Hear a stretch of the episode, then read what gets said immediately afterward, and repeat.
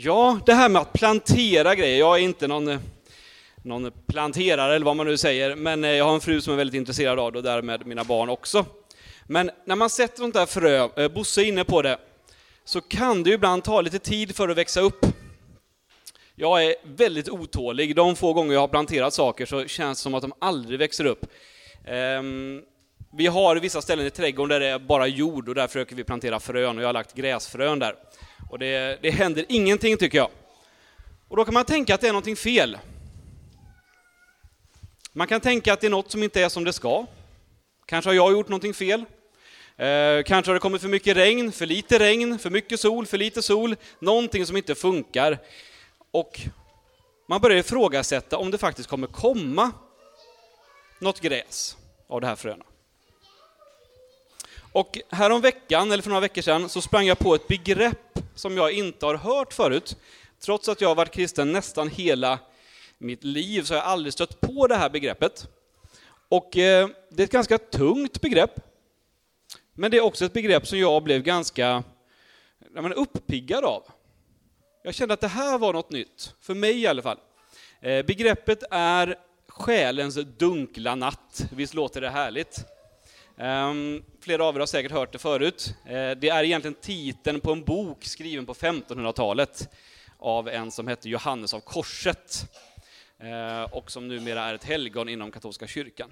Och det här, jag kan inte yttra mig om boken, för jag har inte läst den, men själva begreppet handlar om att man upplever en avsaknad av Gud. Att en troende upplever det som att Gud är frånvarande. Att Gud inte svarar, att han inte ingriper i det som sker. Och man går igenom ett andligt mörker. Och det låter ju kul. Uppiggande. Men jag har ofta tänkt att när man blir kristen, man tar emot Jesus, man blir döpt i den helige Ande, då vänder livet och allt blir liksom perfekt. Allt är seger, man går fram och man vittnar för människor och de blir kristna och man, man är ute på sin arbetsplats och man vittnar dagligen och man känner hur Gud är starkt närvarande varje dag. Och så har inte jag känt varje dag. Vissa dagar ja, andra dagar nej, verkligen inte. Och så har man undrat, vad är det för fel? Har jag inte tagit emot den helige Ande? Har jag gjort någonting fel? Har det blivit för mycket regn, för mycket sol? Vad är det som händer? Varför känner jag inte så här jämt? Och så får jag reda på det här begreppet, och det verkar som att det här kan vara en del av det kristna livet, av den kristna tron. Att man känner motgångar, att man känner avsaknad, och att det här är en period som till och med kan återkomma. Ehm, jag har några exempel från Bibeln där vi kan se just det här. Se hur personer drabbas av det här mörkret och hur de kommer ur det. Det första stället, det är Jobs bok i Bibeln. Och eh, i korthet så handlar Jobs bok om hur Gud utsätter Jobb för frestelser, eller prövningar, för att bevisa för åklagaren, det vill säga Satan, att Job kommer hålla fast vid sin tro. Vi kan läsa redan i första kapitlet, i vers 8, så säger Herren till åklagaren då, har du lagt märke till min tjänare Job? Ty på jorden finns ingen som är så from och rättsinnig, ingen som så fruktar Gud och undviker det onda. Här pratar vi om en som, liksom, han håller inte på med massa andra saker, utan han, han fokuserar på Gud, han är from och han är rättfärdig. Men sen börjar då Gud att pröva Jobb på ett ganska hårt sätt. Han utsätts för ganska hårda prövningar och livet blir väldigt tufft. Och det, då kan vi hoppa till eh, kapitel 29 och vers 2. Jag tror, jag tror även att den kommer dyka upp på skärmen här. Och då står det så här. Det är Job som pratar. O, oh, att jag vore som i förgångna månader, som i de dagar då Gud vakade över mig, då hans lykta sken över mitt huvud och jag gick i hans ljus eh, och gick fram i mörkret, då jag var i min krafts dagar, då Guds godhet vilade över mitt hus, då den allsmäktige ännu var med mig och mina barn fanns runt omkring mig. Då mina fötter badade i gräddmjölk och klippan göt ut, och klippan göt ut bäckar av olja för mig. Här börjar Job få det ganska tufft. Han minns tillbaka till den tiden där Gud var närvarande, där han kändes nära. Men så är nu inte längre fallet. Eh, han fortsätter eh, med att berätta att fasorna väller över honom, att hans räddning försvunnit och att plågans dagar håller fast honom. Det låter tufft. Det här låter inte som att Job tycker att det är jätteroligt. Ehm, han fortsätter i kapitel 30 med att säga, han, alltså Herren, har vräkt mig ner i dyn och jag liknar stoft och aska. Jag ropar till dig, men du svarar mig inte. Det här kopplar jag ju till att man inte känner Guds närvaro. Han ropar till Gud, men han upplever det inte som att Gud svarar honom. Ehm, han befinner sig i totalt mörker. Och det här tror jag är det som faller under liksom det här begreppet eh, trons dunkla eh, natt. Själens dunkla natt, tack. Men till slut så svarar Gud honom.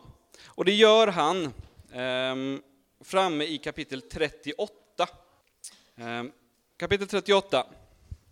Eh, då är det Gud eller Herren som talar. Vem är denne som fördunklar mitt råd med ord utan förstånd?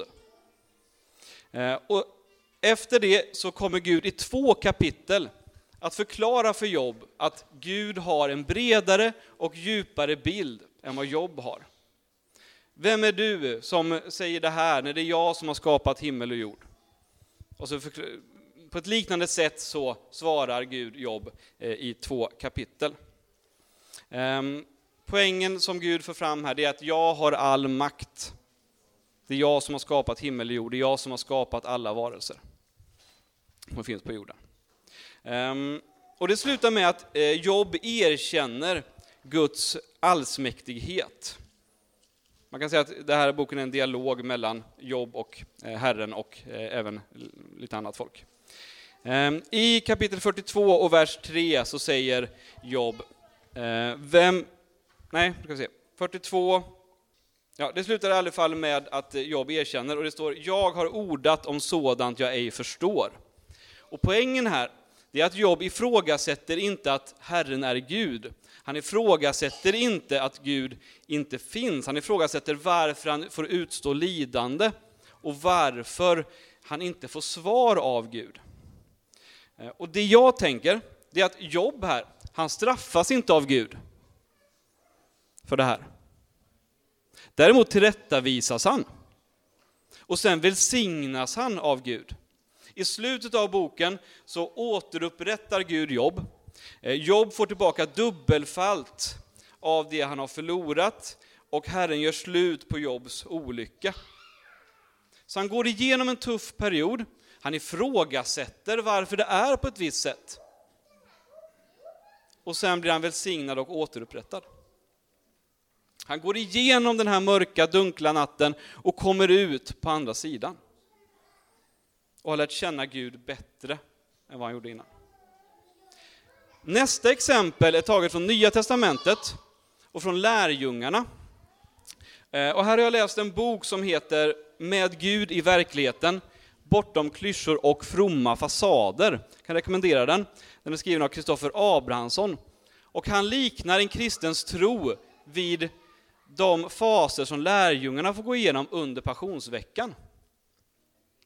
Eh, och då har vi fyra faser ehm, att kika på. Den första, det är när Jesus rider in i Jerusalem. Och det skulle kunna liknas vid när man är nyfrälst. Man precis har tagit emot Jesus, eller möjligtvis när man har, är barn och har en barnatro. Eh, man tänker att Gud är oövervinnerlig, allt är möjligt. Jesus rider in i Jerusalem, lärjungarna följer med, folket jublar, alla sjunger Hosianna, Davids son som kommer i Herrens namn. Allt är perfekt. Gud är väldigt närvarande, Jesus är närvarande både fysiskt och psykiskt vid det här tillfället. Och det är liksom, där är allting perfekt. Det är inte särskilt svårt att tro. Sen kommer nästa fas, som Abrahamsson beskriver. Och det är den sista måltiden. När Jesus delar nattvarden med lärjungarna. Han berättar att det kommer komma en tuff period. Ehm, Petrus säger i första Lukas 22.33 Herre, med dig är jag beredd att gå både i fängelse och i döden. Jesus känns närvarande, vi är beredda att göra allting för honom. Ja men strunt samma, jag går ut på stan och vittnar för främlingar. Det gör ingenting om de kollar snett på mig, om jag gör bort mig lite, om jag framstår som lite konstig, för Gud är med mig och det är det viktigaste. Vår tro är stark, Jesus är närvarande, vi är beredda att göra allt. Men sen kommer punkt tre, eller steg tre, fas tre. Och det är när Jesus dör på korset. Det kanske börjar redan i Getsemane, lärjungarna flyr. Petrus, som nyss var så, så liksom, eh, stolt och redo att gå ut och kämpa, förnekar Jesus tre gånger. Jesus dör på korset. Eh, jag kan bara anta att lärjungarna känner det ganska tungt här. De funderar säkert på vad är det här, det vi har trott på de senaste åren. Vi har följt den här mannen som ska upprätta ett nytt rike, han ska krossa romarna, han ska liksom, liksom bygga upp Jerusalem och göra det till ett judiskt rike igen. Ja, men nu fall, föll allt det här. Det finns nog gott om tvivel. Thomas tvivlar när han ser Jesus igen. Och han får bli överbevisad av Jesus, han får sticka fingrarna i såren eh, och se att Jesus är uppstånden sen när han kommer tillbaka. Jesus själv uttrycker såklart ångest på korset. Min Gud, varför har du övergivit mig? ropar han. Han vet ju att det här är en del i en stor plan.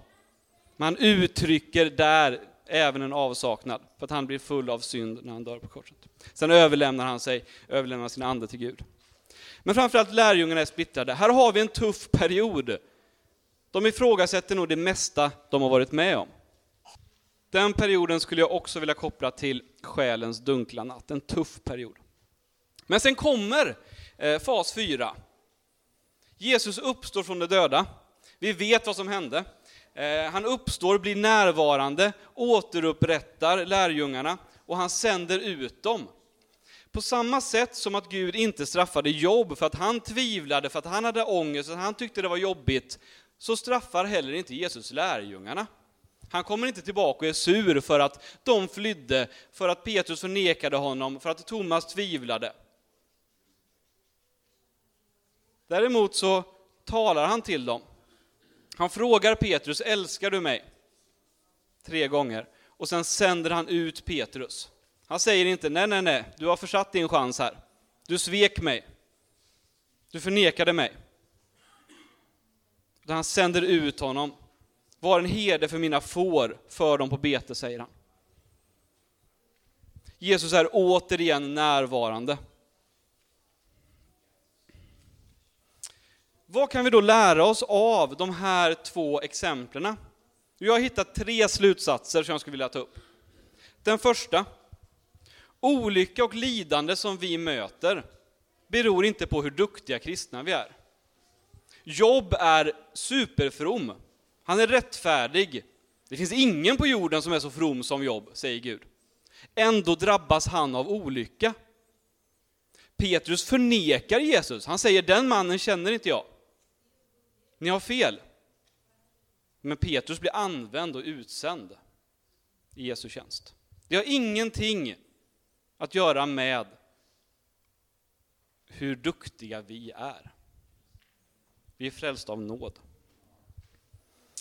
Punkt två, det är att det är okej okay att uttrycka sin frustration mot Gud. Det är okej okay att tvivla och det är okej okay att brista i vår tro. Gud har skapat oss så här. Då får han även ta att vi är på ett visst sätt. Sen kan vi ha en dialog med honom, vi kan uttrycka det, han kan få bemöta oss, han kan få tillrättavisa oss, lära oss. Men det är okej för oss att uttrycka det. Eh, I Gamla Testamentet så står det om hur Jakob brottas med Gud. Och det slutar med att han blir välsignad. Ja, men våga brottas lite med Gud. Uttryck vad du känner. Om han har skapat mig och skapat mina känslor, så får han väl också ta att jag uttrycker de känslorna. Så tänker jag. Eh, jag pratade med en vän för några veckor sedan, som uttryckte just det här som uttryckte, ja, han förklarar ungefär som att, nej men jag tror att Gud finns men jag kan inte se det just nu. Det har hänt saker som gör att jag tvivlar eller som gör att jag inte kan be. Det finns saker jag inte kan förklara och jag jobbar med det just nu. Och vi pratade lite och sen bad vi tillsammans. Och jag måste bara ta upp det, för det var en, det var en så enkel bön. Från hjärtat. Jag kommer inte ihåg exakt vad han sa, men det var något i stil med att han bara var ärlig. Jag tror på dig Jesus, men jag förstår inte vad som hände. Jag har svårt att, att, att liksom reda ut varför du gör på det här sättet. Eller varför du inte gör på det här sättet. Och jag kämpar. Och jag vet inte om han upplevde det, men jag upplevde en så stark Guds närvaro just i den lilla bönen. Och sen var det inte hjälp mig med det här Jesus, fixa det här åt mig, utan han bad för mig istället. Och det var så oerhört starkt.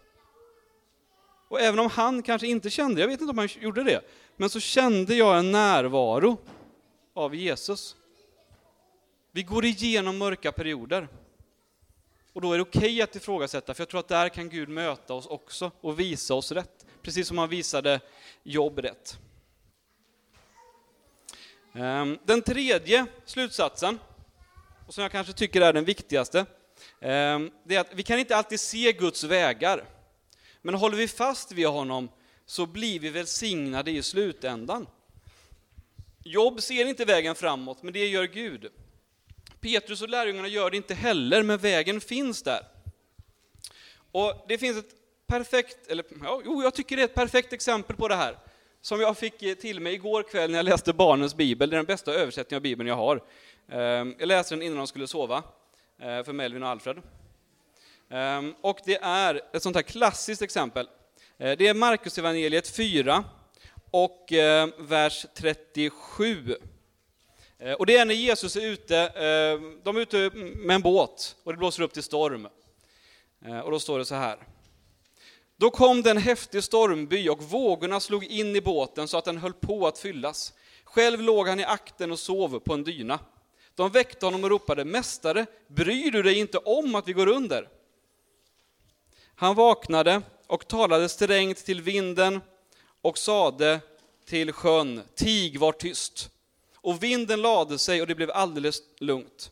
Han sade till dem, varför är ni rädda, har ni ingen tro? Och det är ju så här det är. Det kan storma runt omkring oss, det blåser, vågorna åker in över båten. Jag kan tänka mig att lärjungarna var livrädda. Och Jesus ligger och sover. Är det inte så vi upplever det när vi upplever Guds frånvaro? att han sover. Jesus ligger där och är helt lugn. Och han vaknar och säger, vad håller ni på med? Varför är ni rädda? Tror ni inte att jag löser det här? Och det är på samma sätt för oss, även om vi inte känner närvaron, även om det känns som att Jesus eller Gud sover, så finns han ändå där och tar oss ur det hela. Och det finns otroligt många ställen i Bibeln som talar om hur Gud räddar oss, hur han kommer fixa biffen åt oss. Och det är där vi måste växa i vår tro, när det känns tufft, när vi inte känner Gud, så får vi gå till det som vi kan se. Ehm, och jag skulle bara vilja lyfta fram psalm 121. Ehm, jag ska strax avsluta. Ehm, och det är en av mina favoritsalmer, jag har inte så jättemånga jag kan. Men där står det så här, jag lyfter mina ögon upp till berget, varifrån ska min hjälp komma? Min hjälp kommer från Herren som har gjort himmel och jord. Inte ska han låta din fot vackla, inte slumrar han som bevarar dig, när han som bevarar Israel. Han slumrar inte, han sover inte, Herren bevarar dig. Herren är ditt skydd på din högra sida. Solen ska inte skada dig om dagen och inte månen om natten. Herren ska bevara dig från allt ont. Han ska bevara din själ. Herren ska bevara din utgång och din ingång från nu och till evig tid. Ja, men där har vi det liksom. Även om inte vi kan se det, så finns löftena där. Tänker också på psalm 23. Även om jag vandrar i dödsskuggans dal så fruktar jag inget ont. Gud är med mig, din käpp och stav den tröstar mig. Dödsskuggans dal, ja men det kanske kan vara när det är dödstyst. När det är liksom, jag tänkte på radioskugga, dödsskuggans dal. Vi känner inte uppkopplingen. Vi ropar i den här radion, hallå hör du mig? Men det är ingen som svarar. Ja, men han finns där, hans käpp och stav, de tröstar mig. Eh, så jag tror att just den här, eh, den här perioden, den tuffa perioden när det känns tungt, Ja, men det kan stärka oss när vi kommer ur den, bara vi har tålamod och har förtröstan på Gud. Så kommer vi närmare Gud. Jag tror precis som i en relation, en konflikt kan vara jättejobbig, men när man löser konflikten så känner man varann bättre. Man kan växa i sin tro när man kommer förbi den här perioden och närmar sig Gud. Så det är därför jag tänker att det här begreppet trons, äh, själens dunkla natt ändå kan vara positivt. Bara för att man känner det hopplöst och känner det tungt, så betyder inte det att Gud är frånvarande, även om det känns så. Och vi kan närma oss, vi kan växa i tro och vi kan komma honom närmre.